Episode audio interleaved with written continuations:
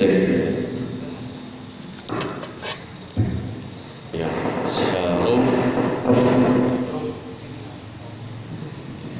Mari jemaat Tuhan kita bangkit berdiri bersama-sama. Kita akan menyerahkan ibadah dan pelayanan kita pada sore hari ini. Kami bersyukur Tuhan oleh karena anugerah Tuhan kami dapat datang di hadiratmu. Kami menyerahkan ibadah kami Tuhan pada sore hari ini.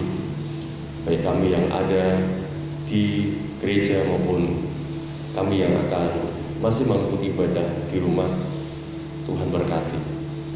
Bahwa sesungguhnya pertolongan kita datang dari Tuhan Allah yang menciptakan langit dan bumi.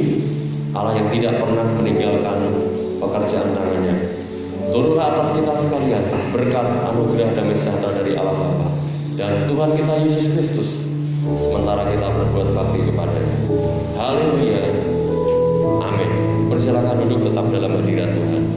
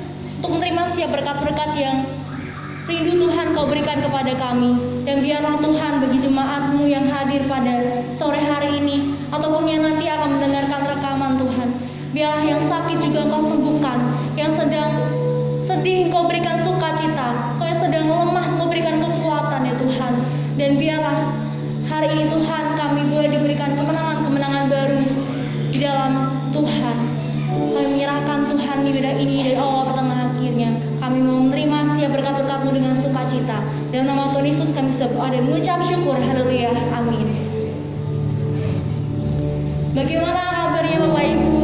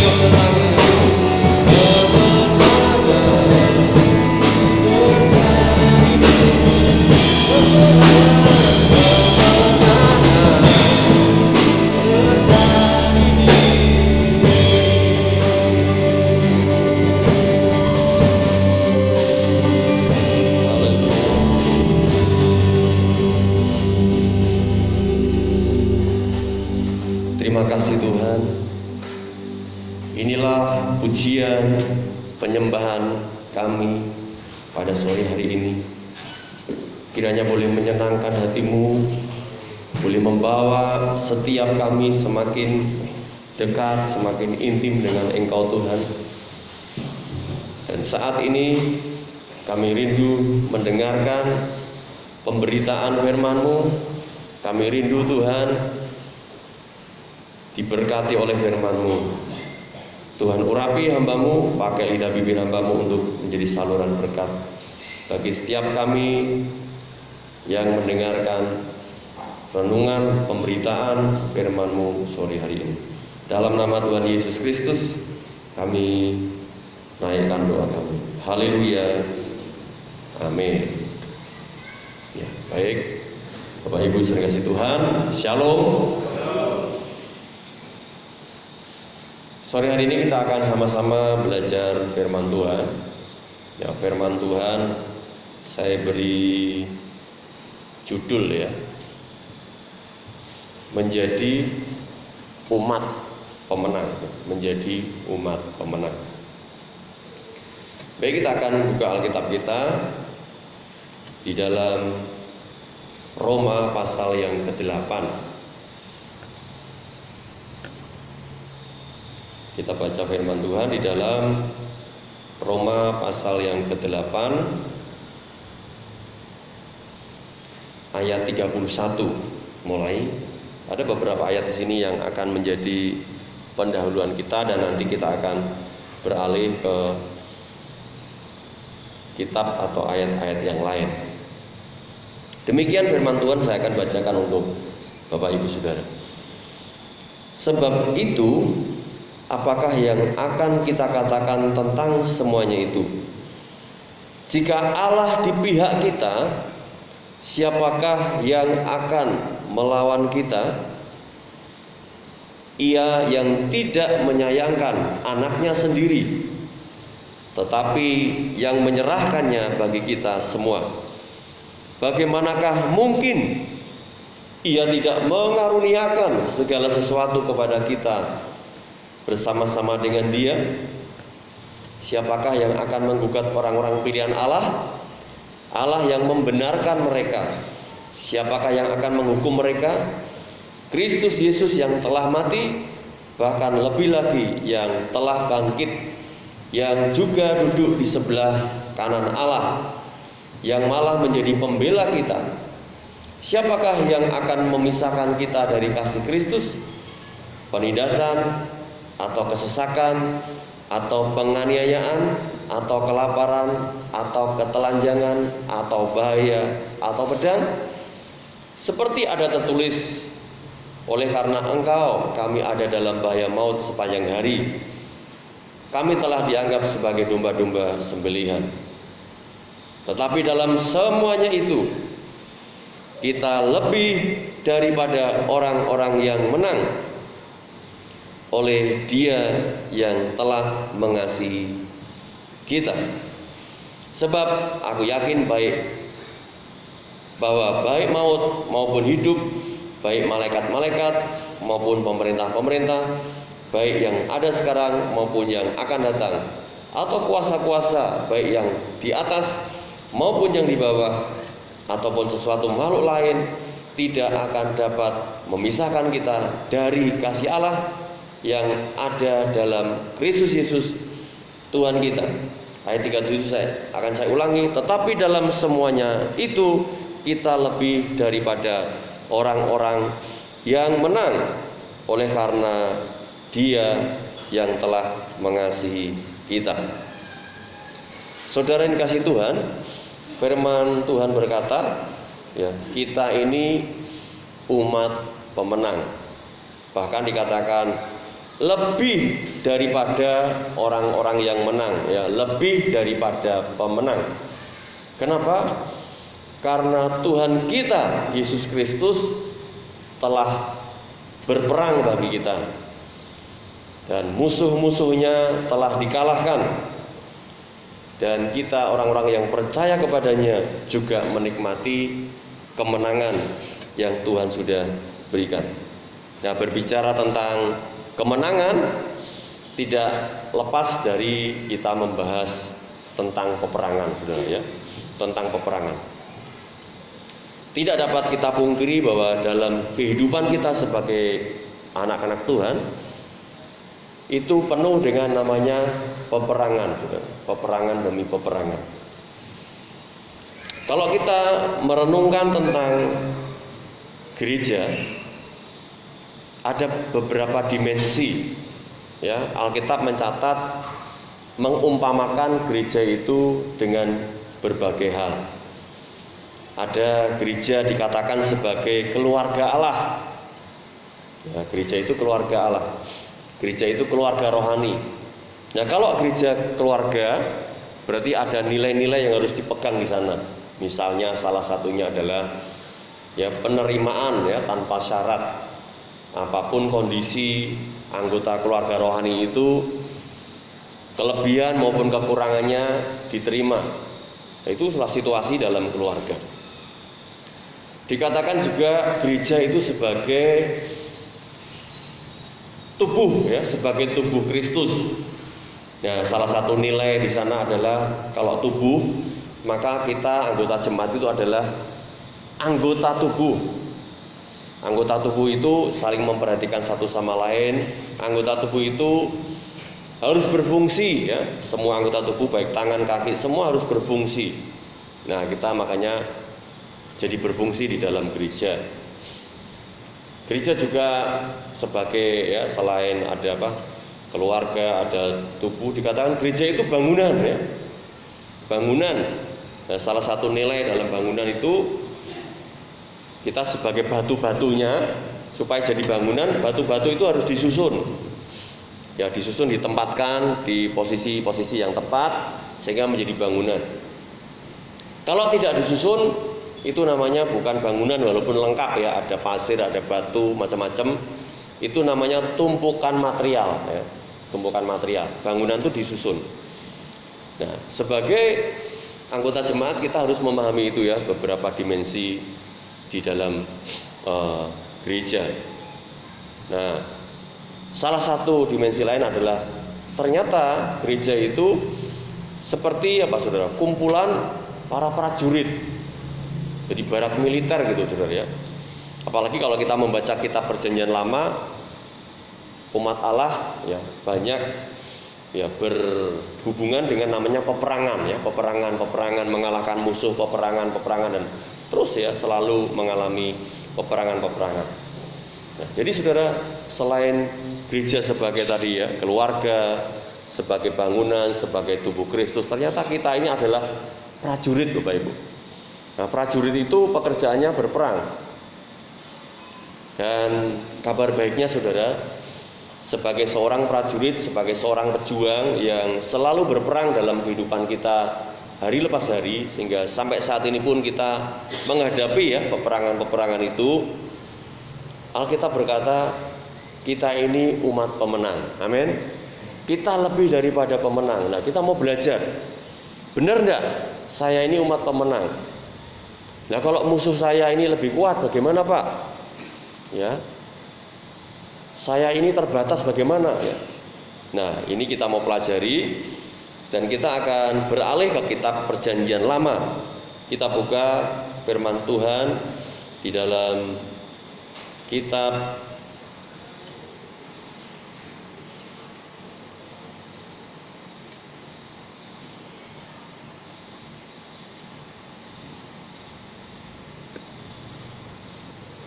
ya saya akan bukakan yaitu di dalam kitab Ulangan ya pasal yang ke-20. Ulangan pasal 20 ayat 1 sampai ayat yang keempat. Nah, judul perikopnya sudah jelas di sana hukum perang ya, hukum perang. Saya akan bacakan untuk saudara.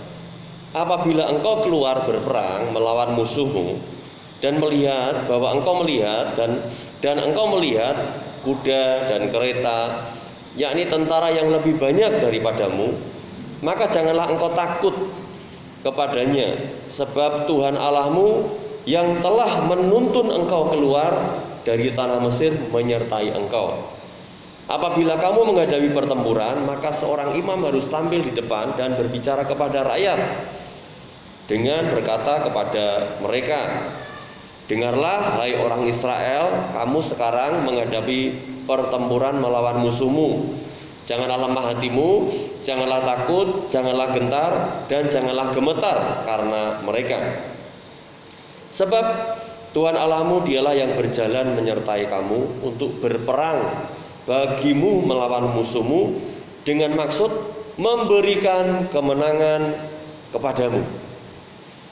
Nah, saudara yang kasih Tuhan dikatakan di ayat yang pertama, apabila engkau keluar untuk berperang, ya, berarti keluar berperang itu pekerjaan seorang prajurit, saudara, seorang tentara, dan itu kita. Saudara. Kita berperang melawan musuhmu, kita ini punya musuh-musuh ya dalam hidup kita. Musuh secara rohani ya. Di balik persoalan masalah yang sedang terjadi bisa saja ya itu musuh kita yang menggunakan situasi ya yang sedang terjadi untuk apa? Untuk mengalahkan kita. Nah, karena Alkitab sudah jelas mengatakan perjuangan kita itu bukan melawan darah dan daging, melawan tetapi melawan roh-roh jahat di udara ya melawan pemerintah penghulu ya dan penghulu-penghulu penguasa roh-roh jahat ya ditulis dalam kitab Efesus dan ketika kita mengamati dikatakan apabila engkau keluar berperang melawan musuhmu dan engkau melihat kuda dan kereta yakni tentara yang lebih banyak daripadamu jadi di dalam peperangan itu ada beberapa kemungkinan. Yang pertama, kekuatannya seimbang. Nah, atau kita lebih kuat musuhnya enteng ya, Saudara. Tapi sebaliknya ada juga musuhnya lebih berat. Dan kita terbatas. Dan dikatakan di sini yakni tentara yang lebih banyak daripada padamu, artinya musuh berarti kekuatannya lebih besar. Tetap firman Tuhan berkata, janganlah engkau takut. Ya, jadi seberapapun musuh yang sedang kita hadapi, pergumulan yang sedang kita hadapi, masalah yang kita hadapi, musuh yang lebih besar, janganlah takut. Alasannya apa? Alasannya adalah janganlah takut kepadanya. Sebab Tuhan Allahmu yang telah menuntun engkau keluar dari tanah Mesir menyertai engkau. Jadi Allah kita Allah yang perkasa, Allah yang besar, Allah yang luar biasa itu telah menyertai kita. Dia menyertai kita dalam dalam perjalanan ya orang Israel keluar dari padang eh, keluar dari Mesir saudara ada di padang gurun, Tuhan menyertai begitu luar biasa. Disertai, dipimpin, dilindungi, diberkati, dipelihara oleh Tuhan. Nah, jadi Tuhan itu menyertai kita. Itu alasan kita tidak boleh takut di dalam peperangan atau pertempuran. Ayat yang kedua, apabila kamu menghadapi pertempuran, maka seorang imam harus tampil ke depan dan berbicara kepada rakyat. Nah, saudara, kalau di dalam keluarga itu ada kepala keluarga ya yang yang memimpin dalam keluarga. Kalau di dalam bangunan sebuah bangunan ada ahli bangunannya, ada yang merancang bangunannya, Ya, ada yang menghitung bangunannya, ada yang mengerjakan ya supaya bangunan itu jadi. Ya. Kalau tidak dengar-dengaran, kalau di keluarga tidak dengar-dengaran dengan pemimpin, ya jalan sendiri-sendiri ya, itu keluarga tidak bisa berjalan dengan baik. Bangun rumah juga begitu. Kalau batu-batu itu tidak mau disusun ya, maka tidak bisa jadi bangunan yang indah. Ya, kalau anggota tubuh diumpamakan sebagai anggota tubuh, anggota tubuh tidak bisa berfungsi, ya. salah satunya mogok gitu ya, juga tidak bisa maksimal ya di dalam beraktivitas. Nah, dalam konteks peperangan maka ada seorang imam yang tampil di depan dan berbicara kepada rakyatnya, ya, kepada rakyatnya. Jadi apa yang disampaikan, ya. Jadi kalau kita tentara itu ada prajuritnya, ada komandannya. Kalau peperangan rohani kan peperangan sesungguhnya serbu ya, komandannya gitu, ya semua harus serbu. Tiarap ya semua harus tiarap ya balik kanan harus balik kanan sebab kalau enggak pasti membahayakan ya jadi sama konsepnya ya di mana pun dimensi tentang gereja maka selalu kita membutuhkan uh, arahan dari para pemimpin yang dipakai Tuhan dan imam itu harus berkata tampil ke depan dan berbicara kepada orang Israel begini kamu sekarang menghadapi pertempuran melawan musuhmu Janganlah lemah hatimu, ya. Janganlah takut, janganlah gentar dan janganlah gemetar karena mereka. Nah, jadi saudara, pertama janganlah lemah hatimu. Ya, peperangan itu namanya kita ketemu musuh. Ya, kalau dalam sebuah pertandingan olahraga ada musuh yang dihadapi, biasanya musuh itu sebelum mereka bertanding itu adalah melemahkan mental lawan, ya, mengintimidasi, dipelototi begitu mungkin ya saudara, atau dengan kata-kata supaya musuhnya itu gentar. Nah, kita juga tidak boleh lemah hati kita, ya, harus tetap yakin. Kenapa? Nanti ada alasannya. Kita harus yakin, tidak boleh lemah. Juga janganlah takut ya di ayat yang ketiga itu. Janganlah lemah hatimu, janganlah takut Sebab saudara, ketakutan itu melemahkan seluruh potensi yang kita punya. Orang yang takut, saudara, tidak bisa mikir lagi. Padahal sebetulnya dia punya kekuatan, dia punya keahlian, punya kemampuan. Begitu takut, saudara, dia sudah tidak bisa, saudara, ya, punya ide-ide yang baik, ya. Pokoknya ya sembarangan, saudara. Kalau dalam pertempuran, dalam pertandingan begitu takut, ya seluruh potensi nggak akan pernah bisa keluar. Jangan gentar ya, mulai parah sudah mulai gentar ya bahasa Jawa itu ngeper itu ya mulai takut. Terus jangan gemetar mulai ngewel ya. Kalau sudah seperti itu ya disebut kalah sebelum bertanding. Ya saudara di ayat yang keempat kita nggak boleh lemah, nggak boleh takut, nggak boleh gentar, nggak boleh gemetar. Karena apa? Ayat yang keempat, Sebab Tuhan Allahmu dialah yang berjalan menyertai kamu untuk berperang bagimu melawan musuhmu dengan maksud memberikan kemenangan kepadamu. Nah, saudara. Jadi kita ini umat pemenang. Selama kita tidak takut, tidak gentar, ya. tetapi kita menyadari bahwa Tuhan kita itu menyertai kita di mana pun kita berada, apa pun yang kita lakukan. Mungkin kita sedang bertempur dengan masalah-masalah tertentu hari-hari ini. Tadi dikatakan jangan lemah, jangan takut, jangan gentar, jangan gemetar, karena Tuhan itu menyertai kita. Nah, kalau Dia menyertai, yang menyertai kita itu kan pribadi yang maha kuasa, saudara kita jadi pede, jadi percaya diri. Ya kalau saudara jalan-jalan ya sama siapa pun sama teman ya punya kemampuan dalam banyak hal ya kita jadi pede ya. Kalau kita jalan-jalan sama teman sama orang yang kita yakin bawa uang di dompetnya ya kita nggak takut lapar ya. Kalau lapar paling dia tinggal menggok gitu. Kalau kita jalan sama orang yang tinggi besar badannya gitu ya, kita nggak akan takut ya ketemu dengan siapa pun kita senggolan sama siapa pun ya, yakin sebelah kita membela kita ya. Nah kita berjalan disertai oleh apa? Oleh Tuhan kita yang luar biasa.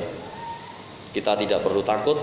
Sebab apa? Sebab Dia yang berperang bagimu melawan musuh-musuh. Begitu kita fight ya dengan dengan musuh-musuh kita, maka Tuhan langsung ke depan ya mengalahkan musuh kita. Begitu kita fight, dengan musuh kita dalam peperangan Tuhan tampil ya. Bukan berarti kita diam saja, tetapi kita mengerjakan bagian kita apa? Tetap percaya kepada Tuhan yang menyertai kita. Buktinya apa ya? Hatinya tidak lemah, tetap kuat. Ya, tidak takut, ya, tidak gentar. Maka membuktikan bahwa oh ini orang percaya dengan saya. Seperti halnya peperangan bangsa Israel dengan orang Filistin, saudara. Tampil Goliat ya besar sekali.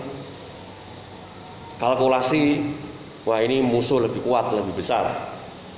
Saul sebagai pemimpin takut semua pada takut.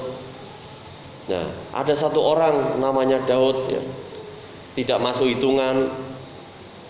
Dikalkulasi tidak diunggulkan kalau apa ya, kemampuan ya secara fisik dan macam-macam ya di bawah Goliat namun karena dia tidak takut, karena dia berani, karena dia percaya dengan Tuhan, percaya dengan Allahnya, maka Goliat yang besar itu dapat dikalahkan oleh Daud yang tidak sebanding ya kekuatannya. Demikian pula Bapak Ibu saudara kasih Tuhan, pada sore hari ini kalau kita mendengar firman Tuhan bahwa kita ini sebenarnya adalah umat pemenang. Tidak ada masalah persoalan yang bisa membuat kita lemah ya. Ya begitu kita umumkan kita beribadah di gereja ya. Buktinya semangat ya semangat semua pada semangat ya. Yang jauh ya. Mas Billy Mbak Ayu dari mana? Dari dari Mijen tadi berangkat. Dari Mijen ya dari Mijen. Dari minggu lalu Pak saya boleh ke gereja Pak ya. Oh boleh ya belum menemui syarat ya syaratnya apa? Syaratnya cukup sehat dan berani datang udah cukup ya. Sambil kita tentunya ya menjaga kesehatan menjalankan prokes dan yang belum mendapat kesempatan untuk vaksinasi ya tetap mendaftar dan tunggu jadwal ya tunggu jadwal untuk bisa menerima itu supaya semuanya bisa aman. Jadi baik anak-anak muda ya Bapak Ibu semua pergumulan apa pun yang sedang kita hadapi satu hal kita yakin, kita percaya kita ini adalah umat pemenang dan kita pasti menang karena Tuhan menyertai kita.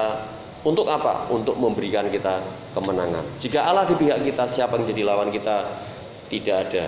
Karena kita umat pemenang ya. Tuhan Yesus memberkati. Mari kita akan datang kepada Tuhan. Kita akan hampiri Dia dengan pujian, dengan penyembahan kita. Kemudian kita akan naikkan doa-doa kita kepadanya. Haleluya. Pujian yang tadi Ku menyembah dalam kudusan dan Tuhan.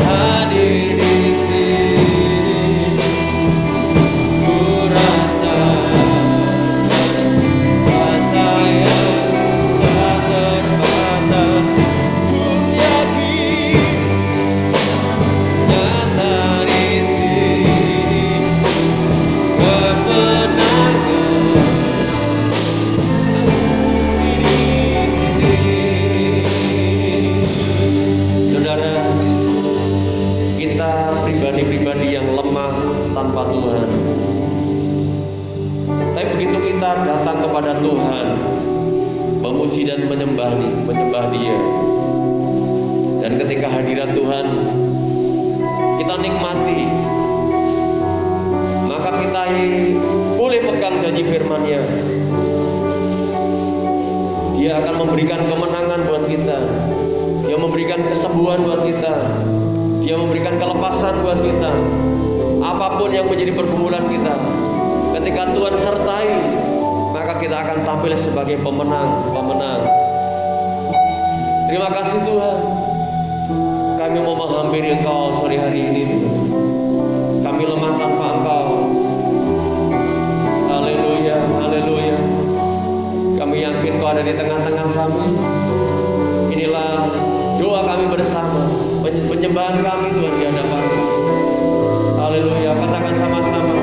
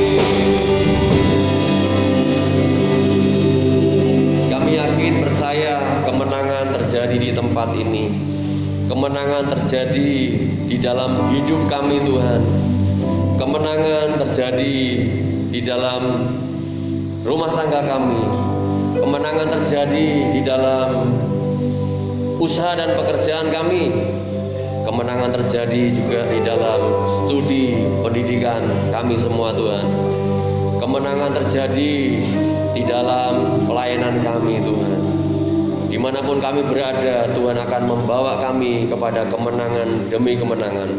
Karena kami adalah umat pemenang ya Tuhan. Mari Tuhan kau urapi jemaatmu pada sore malam ini Tuhan.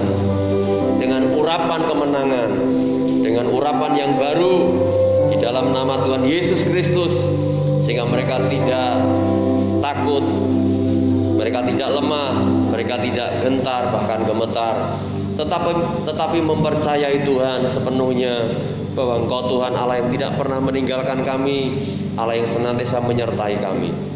Terima kasih Bapak meteraikan firman-Mu sehingga firman-Mu boleh menjadi berkat kekuatan bagi kami semua. Dalam nama Tuhan Yesus Kristus kami sudah berdoa dan mengucap syukur. Haleluya. Amin. Tuhan memberkati kita semua.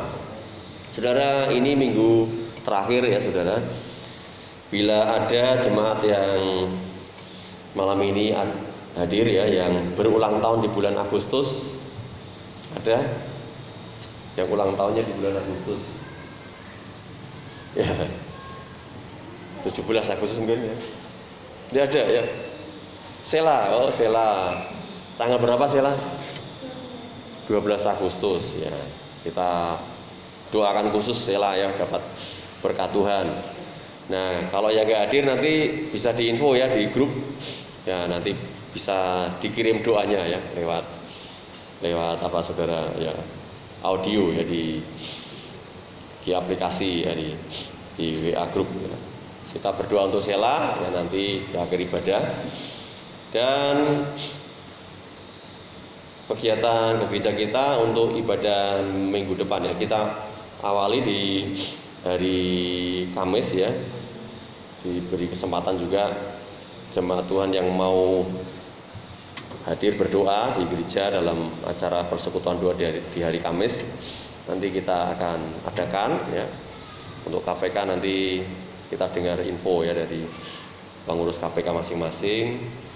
Untuk PRBK ya minggu lalu masih online ya nanti disepakati sama teman-teman PRBK dan minggu depan adalah ibadah di hari minggu ya minggu pertama. Kita akan adakan perjamuan kudus ya. Sebagaimana biasa setiap bulan di minggu pertama kita akan adakan perjamuan kudus. Jemaat dapat mempersiapkan diri untuk menerima berkat-berkat dari perjamuan kudus ya untuk pelayanan sekolah minggu nanti ya dengar tunggu info dari guru-guru sekolah minggu. Ya apakah sudah bisa start? Kalau masih online ya untuk materi-materinya bisa dipersiapkan bisa di-share ke anak-anak kita supaya tetap mereka menerima berkat-berkat ya. Berkat-berkat melalui pelayanan kita semua. Dan kita juga doakan untuk anak-anak kita mulai besok Senin ya sekolah mulai dibuka ya walaupun belum full ya secara bergilir secara terbatas ada beberapa sekolah yang sudah mulai buka kita doakan supaya anak-anak kita tetap diberkati Tuhan dalam studinya dilindungi oleh Tuhan ya. Kita bersyukur sampai hari ini kita semua diberikan kesehatan, pemulihan oleh Tuhan. Beberapa jemaat ya sempat kemarin mengalami sakit ya. Keluarga Pak Mujiono ya Ibu ya, sama teman-teman semua pemusik ini sempat positif. Kristo juga satu keluarga ya Ibu Wahono yang mengkhawatirkan ya. Gimana kalau saya tanya kondisinya gimana ya yang nggak bisa menjelaskan paling dikirim fotonya ya, kondisinya uh, kita dukung dalam doa ya dan situan sehat masih Senu juga sempat sakit mas. Masih Senu itu berinteraksi dengan siapa pun dengan ibu yang kemarin ya sempat sakit dan dipanggil Tuhan. Tetap apa tetap dilindungi Tuhan ya sampai sekarang sehat. Mbak Arut kemarin paling akhir ya sempat nganu ya sempat sakit. Dan puji Tuhan sempat pulih ya sudah bisa ya Mas Billy sehat-sehat Mbak Ayu ya sekarang di Semarang lagi ya ya puji Tuhan ya kemarin sempat bekerja di Cilacap sepertinya pengen di Semarang ya kita doakan supaya uh, dapat uh, pekerjaan yang baik ya. Kalau Mas Billy sudah ya, ya kerja ya. Mbak Ayu yang sedang cari ya. Ya. Kiranya semua boleh dipelihara Tuhan ya. Pak Bejo sehat Pak Bejo ya. Puji Tuhan ya. ya. Saya tadi WA sama putrinya ya. Mbak Meta Dwi ya. Di info Bapak ibadah langsung disampaikan dan puji Tuhan bisa hadir ya. Baik, puji Tuhan, Tuhan memberkati seluruh pelayan-pelayan Tuhan yang setia, jemaat Tuhan yang setia semua, dan yang ada di rumah, kiranya Tuhan juga berkati, tetap diberikan kesehatan ya. Baik, kita akan tundukkan kepala kita berdoa mengakhiri ibadah kita. Nah, durasi ibadah kita masih uh, kita batasi tidak lama ya, supaya kita sama-sama dalam kondisi sehat. Bapa di surga kami mengucap syukur kalau kami pada sore hari ini dapat datang di rumah Tuhan, mengucap syukur dan mempersembahkan pujian, hormat bagimu melalui puji-pujian kami. Tuhan berkati para pelayan and worship, baik WL, singer, pemain musik, multimedia, mereka yang sudah melayani kami semua dalam ibadah ini, Tuhan berkati mereka dengan berlimpah-limpah, Tuhan pakai mereka semakin hari semakin memuliakan nama Tuhan. Kami juga doakan untuk jemaat Tuhan yang pada sore hari ini bersama-sama kami beribadah di gereja ini Tuhan. Tuhan juga berkati terlebih Tuhan kau lindungi mereka di mana pun mereka berada diberi kesehatan yang terbaik daripada Tuhan. Kami berdoa kiranya terus Tuhan memulihkan setiap kesehatan kami sehingga kami memiliki imun yang yang baik sehingga dapat melawan menangkal segala sakit penyakit yang ingin menyerang tubuh kami. Dan kami yakin Engkau menyertai kami, Engkau melindungi kami dengan kuat kuasamu Tuhan. Tuhan, kami juga berdoa untuk jemaatmu yang pada sore hari ini belum bisa bergabung bersama kami mereka beribadah di rumah, Tuhan juga berkati mereka semua dengan berkat-berkat yang terbaik yang mengalami kelemahan tubuh Tuhan jamah, Tuhan pulihkan supaya mereka dapat sehat dan pada waktu-waktu selanjutnya dapat berjumpa kami dalam ibadah-ibadah yang lain. Tuhan berkati sekali lagi jemaat Tuhan dalam setiap usaha pekerjaan mereka Tuhan buka jalan, tidak ada yang mustahil, tidak ada yang sulit bagimu. Engkau sanggup menyediakan segala kebutuhan kami, bahkan engkau dapat membuat yang tidak ada menjadi ada karena engkau Allah yang tidak terbatas. Berkati yang sedang membutuhkan pekerjaan, membutuhkan berkat-berkat materi daripadamu, Tuhan berkati dengan berlimpah. Kami berdoa untuk anak Musela yang berulang tahun pada tanggal 12 Agustus ini Tuhan. Kami bersehati sepakat mendoakan Sela di dalam nama Yesus. Berkati anakmu yang muda ini masa depannya penuh dengan harapan. Masa mudanya diberkati Tuhan dipimpin Tuhan sehingga boleh menjadi anak yang takut akan Tuhan menjadi berkat di mana pun berada menjadi kebanggaan orang tua dan melayani engkau dengan hati yang sungguh-sungguh. Terima kasih Bapak. Terima kasih kegiatan gereja kami. Kami serahkan dalam tangan Tuhan, Tuhan yang akan memberkati. Baik persekutuan doa hari Kamis, ibadah KPK, ibadah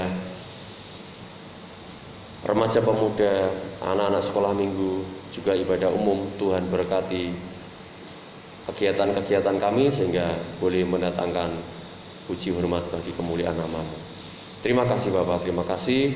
Kami doakan bila mulai besok sudah dimulai pelajaran pembelajaran uh, tatap muka ya Tuhan di sekolah-sekolah kami mohon berkat Tuhan lindungi anak-anak kami semua sehingga mereka dapat mengikuti kegiatan belajar mengajar dalam berkat Tuhan dalam perlindungan Tuhan semua sehat dan diberkati oleh Tuhan terpuji namamu Bapak terima kasih Bapak kami mengucap syukur menyerahkan setiap doa dan seruan kami ini di dalam nama Tuhan Yesus Kristus. Mari jemaat Tuhan bangkit berdiri bersama-sama. Juga jemaat Tuhan yang ada di rumah yang mengikuti ibadah melalui audio ini, engkau angkat tanganmu dan terimalah berkat-berkatnya. Kalau demikian Bapak Ibu sering kasih Tuhan, terimalah berkat anugerah dan sejahtera dari Allah Bapa, kasih sayang dari Tuhan kita Yesus Kristus, dan kiranya persekutuan Allah Roh Kudus boleh menyertai kehidupan saudara dari saat ini sampai selama-lamanya Yesus datang pada kali yang kedua sehingga di mana pun kita berada kita selalu hidup di dalam kemenangan karena Tuhan menyertai kita dan dia berperang bagi kita di dalam nama Tuhan Yesus Kristus terimalah berkat-berkat terbaik daripada Tuhan setiap kita yang sudah diberkati Tuhan katakan sama-sama. Amin.